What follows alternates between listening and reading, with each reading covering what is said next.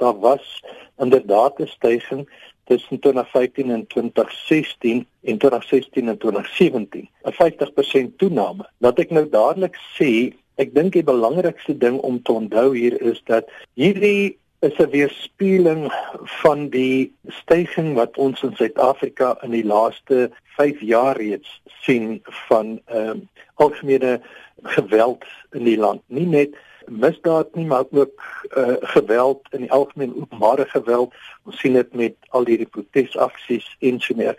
Ons moet dalk nie te vinnig die polisie blameer vir al hierdie sterftes nie. Watter redes word aangevoer vir die toename? Dis baie duidelik dat ongeveer 95% van die sterftes in polisieaanhouding het bitter min te doen met polisie optrede.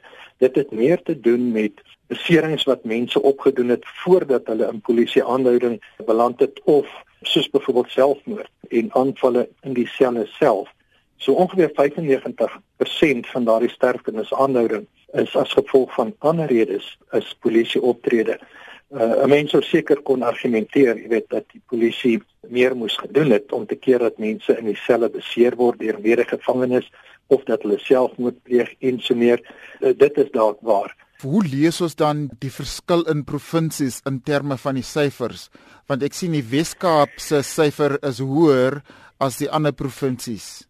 Dit is amper histories so dat die groot provinsies, as jy wil, die Oos-Kaap, Gauteng, KwaZulu-Natal en die Wes-Kaap normaalweg die grootste aantal uh, sterftes wys. Wat interessant is hierdie jaar in uh, die Oopot verslag is dat die Wes-Kaap het inderwaarheid 'n daling uh, gehad van 12 sterftes in die vorige verslagjaar na 10 in die 2016-17 verslagjaar.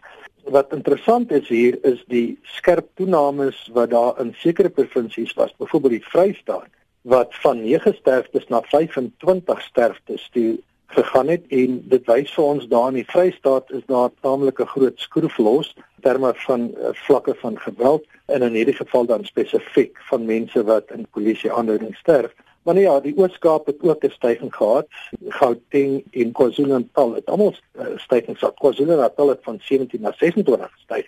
Hierdie jaar het ons 'n verandering in die sin dat die Vrystaat nou toegetree het. Waarvoor is so verslag belangrik? Ek dink in die eerste plek is dit belangrik omdat ons moet weet die aantal klagtes wat teen polisielede ondersoek word, het sy vir kriminele oortredings of dan vir wangedrag of gebrekkige dienslewering, so kan die polisie tot verantwoording geroep word. Dit gee vir ons en natuurlik in die parlement waar die polisie uh, verantwoordbaar gehou word, 'n uh, aanduiding van wat die betrokkeheid van polisie optrede is by die dood van lede van die publiek. Het sy dit nou onskuldige lede van die publiek is of dan verdagtes wat in versekerde misdade gesoek en gearresteer word.